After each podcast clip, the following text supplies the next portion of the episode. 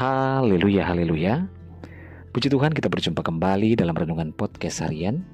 Bersama saya Yudi Seda Daniel. Anugerah dan kasih Tuhan senantiasa melingkupi kehidupan kita. Renungan kita pada saat ini berjudul Belajar Melepaskan. Bacaan firman Tuhan dalam Efesus 4 ayat 31 Firman Tuhan berkata Segala kepahitan, kegeraman, kemarahan kepahit, pertikaian, dan fitnah hendaklah dibuang dari antara kamu. Demikianlah pula segala kejahatan.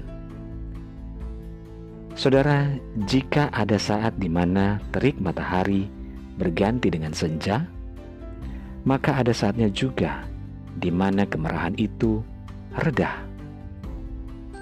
Jika ada waktu di mana hujan itu berhenti, maka kesedihan pun dalam hati kita akan menemukan kesudahannya. Tidak perlu kita menyimpan hal-hal buruk terlalu lama. Seharusnya semua ada masanya.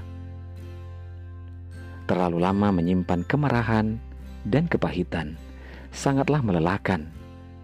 Kita akan membendung emosi dalam hati tanpa ada seorang pun yang tahu, dan hal itu sangatlah merugikan diri kita sendiri kemarahan itu akan meledak dan menghanguskan diri kita sendiri begitu saatnya tiba. Begitu juga ketika kita menyimpan kesedihan seorang diri. Sama seperti menuangkan racun dalam minuman kita sendiri, bukannya menjadi sehat bagi tubuh kita, namun yang ada kehidupan kita akan semakin sakit dan terpuruk. Saudara, oleh karena itu, kita harus bisa belajar untuk melepaskan pengampunan saat hati kita penuh dengan kemarahan, kebencian, dan sakit hati. Diluka, dilukai memang tidaklah enak, tetapi semakin tidak enak bila kita melukai diri kita sendiri dengan menyimpan kepahitan dan kesedihan itu. Dan kita juga harus bisa belajar dan harus bisa melupakan kenangan buruk di masa lalu, melepaskan segala kesedihan dan luka di masa lalu.